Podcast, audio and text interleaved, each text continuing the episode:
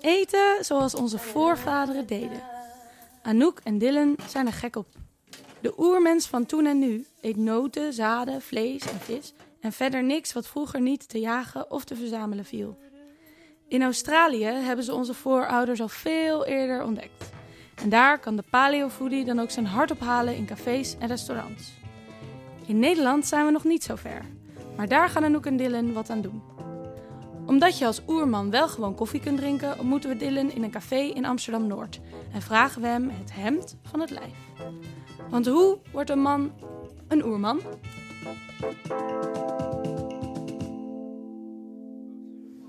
Ehm, eigenlijk is het een lange zoektocht geweest naar ehm, kijken wat ik het beste kon eten om eh, eigenlijk zo fit en zo gezond mogelijk eh, te worden.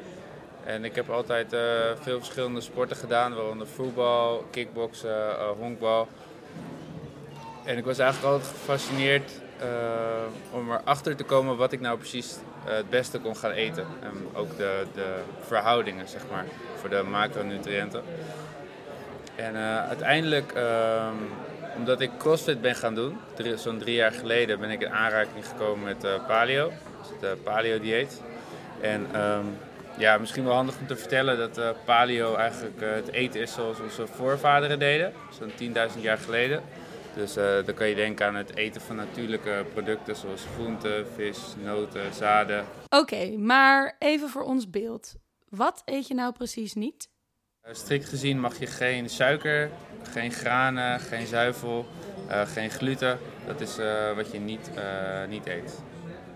En eh, eigenlijk ben ik op die manier gaan eten en ik voel me steeds fitter en steeds gezonder. En toen, eh, toen klikte het van ja, op deze manier eh, moet ik gaan eten. En toen ben ik samen met mijn vriendin, daarna zijn we naar Australië gegaan voor een, voor lange periode. En ehm, toen zagen we daar eigenlijk dat veel meer mensen daar al paleo aten. Je had daar paleo-cafés, paleo-restaurants. En toen dachten we eigenlijk van ja, maar waarom gaan we niet de kennis die we hebben delen met mensen in Nederland? Waarom is het er nog niet? Eh vandaar zijn we eigenlijk eh, gaan zoeken van ja, bestaat het al in Nederland? Is het er al? Toen eh, zijn we erachter gekomen dat het in Duitsland al bestond. Dat was er al, het eerste paleo-restaurant, zeg maar, is in, in, Berlijn. Toen zijn we daar naartoe gegaan. Met hem gesproken ook, zijn visie, zijn doel. En om te kijken van ja, hoe ligt het in de markt. Van daaruit gewoon besloten om eh, te gaan beginnen. En ons eh, restaurant eh, te openen. Want is het in Berlijn een succes? Ja, zeker. Ja. Het is, sowieso loopt Berlijn meer voor zeg maar, in, dan Nederland in de food scene. Ehm, net zoals Amerika en Australië.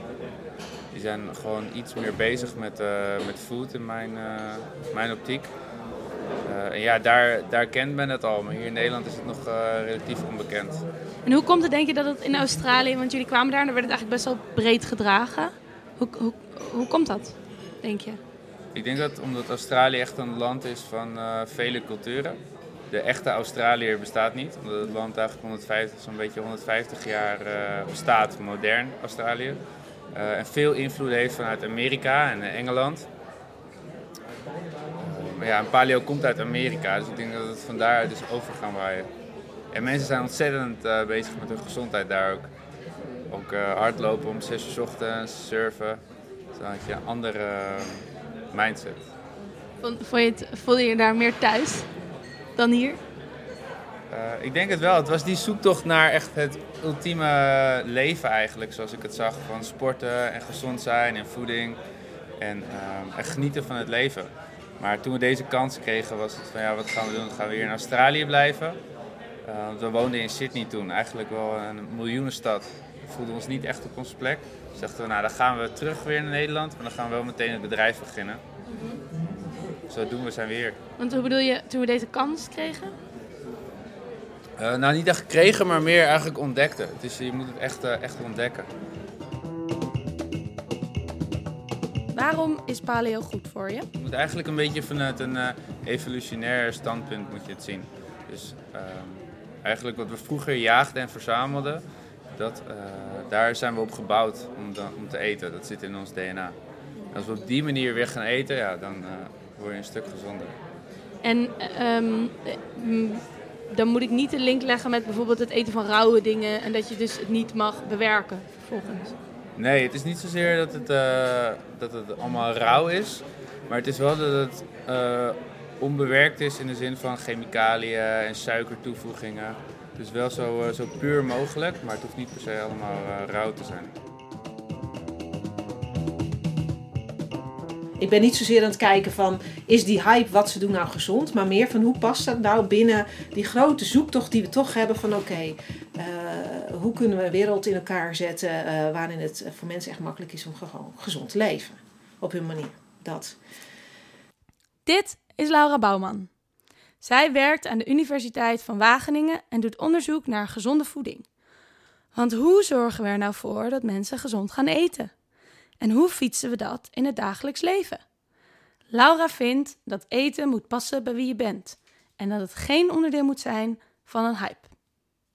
Als je op zoek gaat naar je identiteit, naar jezelf en naar een beter leven voor jezelf, dan hoort daar natuurlijk ook bij dat je uh, jezelf leert kennen. Dat je weet, je weet wie je bent, je weet wat je wil, je weet hoe je het moet doen. Hè. Dat stukje hoort er natuurlijk bij, dat hele stuk van je identiteit bepalen. Ja. ja. Maar als je naar hypes kijkt, dan denk ik, zowel de richting als wat je moet doen, wordt niet door jou bepaald. Het wordt door de buitenwereld bepaald. En ook nog door een heel selectief stukje buitenwereld. Ja. Uh, met eten. Ja. Door um, uh, nou ja, uh, wat, er, wat er allemaal voedsel geproduceerd wordt. Welk, welk, welk type is dat? Hoe wordt het vermarkt? wat zijn de regels? nou, dat, dat wordt heel erg van buitenaf. En natuurlijk voedingsexperts die weten ook allemaal te vertellen wat je moet doen. Dus dan denk ik, ja, in hoeverre leer jij nou jezelf, hè, autonomie, zelfregie, de regie over je eigen leven hebben is heel belangrijk voor gezondheidsontwikkeling. Omdat Lara onderzoek doet naar gezond eten, houdt ze de food trends scherp in de gaten. Dat bijvoorbeeld low carb eaters, dat, dat zijn mensen die inderdaad het idee hebben dat, dat koolhydraten de boosdoeners zijn en niet eens zozeer alleen suikers. Maar alle koolhydraten. En met name brood krijgt natuurlijk in Nederland heel erg de zwarte piet. De pasta, echt een aantal basisvoedingsmiddelen krijgen de zwarte piet toegespeeld. Pasta, rijst, ja, pasta, aardappelen. Ja, ja, die krijgen. Uh, en uh, ook in zo'n vorm dat, dat, het, dat het voor mensen ook best lastig wordt natuurlijk om nog op feestjes in een kantine uh, met andere mensen. Uh, het, laat ik zeggen, een beetje fatsoenlijk in het sociale leven te functioneren. Want ze, ze, ja, je kent ze waarschijnlijk wel, de mensen die direct zoiets hebben. Ja, maar. En denk je, oké. Hoe komt het dan dat mensen zich kunnen verliezen in een food hype? Nou, er zijn natuurlijk een aantal, er zijn natuurlijk een aantal beredeneringen hierover. En één daarvan is uh, dat deze generaties zeg maar, steeds meer het gevoel van controleverlies krijgen. Alles is natuurlijk nu heel erg op afstand geregeld. Dat kan. Hè? Ik bedoel, uh, je kunt informatie over mij opzoeken vanuit jouw bureau. Je had me niet hoeven zien. Nee. Maar zo kan je het over de hele wereld. Kun je allerlei. Je kunt, je kunt alles vinden en alles. Nou, daar staan natuurlijk een aantal sturingsmechanismen via het internet. Uh, nou, er wordt een hoop geregeld. Er is een hoop. Maar dat betekent ook dat het heel veel is. Mm -hmm. En dat het eindeloos is en dat het nooit genoeg is en dat je het nooit goed genoeg weet. Dus wanneer is het voor jou nou duidelijk wat je moet eten? Je kunt altijd wel nog duizenden andere pagina's, duizenden andere meningen, al, alles kun je krijgen. Dat, dat is natuurlijk heel veel. Dus het is best moeilijk om nu te zeggen van oké, ik weet uh, wat ik moet eten en ik, ik weet ook hoe ik het moet doen. Het is een ja. soort continue. Het is niet meer van je gaat naar de huisartschool, je leert hoe je moet koken en je weet dat het gezond is en klaar. Nee. Nee. Goed, het zijn ook voordelen aan natuurlijk. Hè. Het is ook leuk natuurlijk om meer uh, uh, kritischer te kunnen zijn en meerdere meningen te kunnen overwegen. Maar het wordt ook heel veel. Ja. En daarnaast gebeuren er natuurlijk ook dingen uh, waarbij mensen het gevoel van controleverlies op andere domeinen krijgen. Kijk, kijk naar uh, de financiële situatie. Kijk naar vluchtelingenstromen. Kijk naar wat er wereldwijd allemaal gebeurt. Waarvan mensen ook wel zoiets hebben van hé, hey, er gebeurt een heleboel, maar ik heb geen grip meer op mijn leven. Nou, wat is er nou mooier dan een domein te nemen waar je dat wel op kan krijgen? En dat is eten. Grip krijgen klinkt heel goed. Wat is dan precies het probleem? Wat mij betreft is het juist uh, de, de, de extremiteit die erin zit, die ik me afvraag of hoe zich dat verhoudt tot uh, het ontwikkelen zeg maar, van, een, van een goed, uh, gezond leven. Nu zou je kunnen denken dat Dylan en zijn vriendin dat doen: het extreem doorvoeren van een bepaalde manier van eten. Maar zij zien dat zelf helemaal niet zo. Wat voor plaats heeft paleo in hun leven? Eigenlijk is paleo voor ons uh, heel erg belangrijk, maar het is, het is een onderdeel van een groter geheel eigenlijk. Je wil eigenlijk zo gezond en zo fit mogelijk uh, worden en zijn. En je kan dat niet door alleen maar op je voeding te letten, maar ook uh, gewoon letten op genoeg slaap, genoeg beweging. dus het is zeker belangrijk, maar het is eigenlijk een onderdeel van het grote plaatje. Maar ik las bij jullie site dat dat ook hoort bij paleo? Ja, zeker. Het is echt een beetje een uh, lifestyle. Sommige mensen zien het als een uh, dieet. Ja, over de jaren heen zijn we er wel achter gekomen dat diëten niet, uh, niet werkt. Dus je moet het echt als een lifestyle zien. En meerdere dingen eigenlijk ben je aan het combineren. Zoals voldoende slaap, voldoende beweging. Het hoort er allemaal bij. Ik denk dat wel veel mensen dat misschien zien als een behoorlijk project. Zeg maar om dat allemaal, om daar allemaal op te letten. In drukke, hectische levens en in ja, en het is ook niet zozeer dat je meteen uh, die transitie moet maken. Dat is ook niet zo bij ons gegaan. Uh, het is echt een beetje een learning curve. En uh, ook je bent continu aan het experimenteren van, nou, hoe reageert mijn lichaam hierop als ik, als ik dit eet? Of wanneer kan ik het beste, hoeveel slaap heb ik nodig? hoe hard kan ik trainen? Hoeveel rust heb ik nodig? Dus het is niet van de een op de andere dag dat je dat doet. Dus, het is gewoon een beetje een trial and error, zeg maar. Dus hoe lang ben je hier al mee bezig? Nu echt fanatiek, uh, drie jaar. Um, en daarvoor was ik er ook wel mee bezig, maar, uh, maar wel wat minder. Paleo is voor Dylan niet iets wat zomaar over zou vliegen. Het past gewoon goed bij hem en zijn lichaam. Die steeds verdergaande individualisering rondom eten was eigenlijk het begin van Laura's onderzoek. Want zo ben ik ook ooit aan mijn, uh, mijn proefschrift begonnen. Want dat mm. ging over um, wat je noemt eigenlijk de steeds verdergaande specificatie in onderzoek van wat mensen waarom zouden moeten eten. Mhm. En dat had eigenlijk met het beginidee te maken dat stel je voor, jij gaat naar de supermarkt. Uh, jij hebt uh, bij je een soort uh, chipje waarop staat wat jouw genoom is, wat je menselijk, wat jouw gen is, zeg, wat jouw kenmerken zijn. En daarbij hoort ook het stukje van hoe jij eigenlijk zou moeten eten. Want jij hebt een test laten doen en daaruit komt, nou, jij als individu, als persoon, jij hebt toch een iets wat verhoogd risico op het ontwikkelen van diabetes.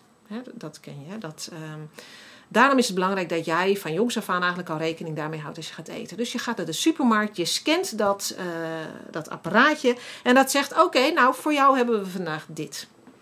Dat is ongeveer de meest specifieke manier voor jou om te eten wat goed is voor jouw lijf. Mhm. En dat is in de wetenschap, dit, dit lijkt een beetje een grap, een, een toekomstbeeld wat uh, nou ja, echt, echt denkt van nou, dat is echt onwerkelijk.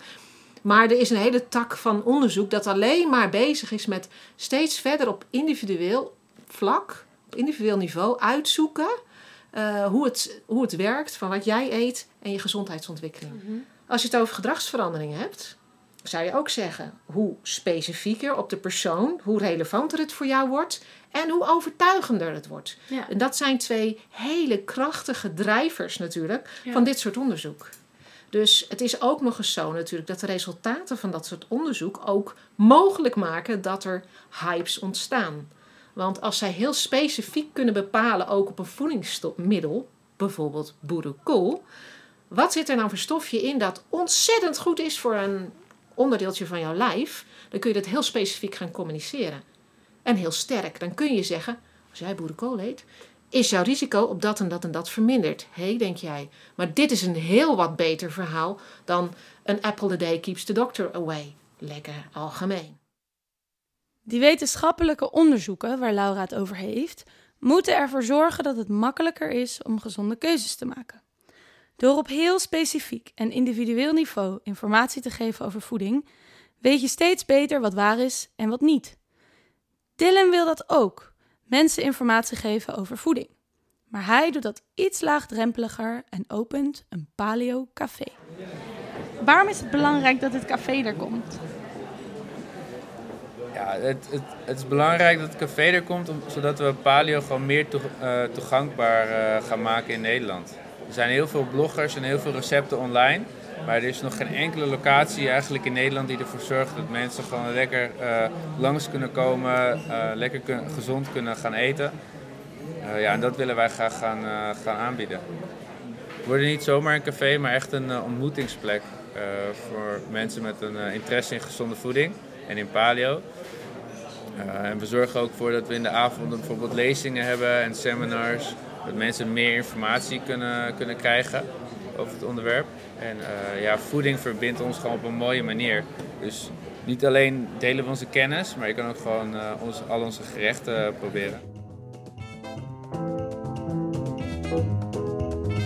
Dank voor het luisteren naar onze Ben je wat je eet of eet je wat je bent podcast. Deze tweede aflevering over de oerman kwam tot stand met dank aan Dylan van Paleo Café en Laura Bouwman, universitair docent in Wageningen. In de volgende aflevering zijn we op bezoek bij Monique van Loon. Zij heeft Culi.nl bedacht en opgericht en is een ras-echte Bourgondier. Misschien wel een van de laatste der Mohikanen. Deze podcast werd gemaakt door audiocollectief Vogel voor Mindchecks. Vind je ons nou tof? Abonneer je op ons podcastkanaal op iTunes en like Audiocollectief Vogel op Facebook. Zo kun jij precies volgen wat wij allemaal doen en bouwen wij een beetje aan onze community.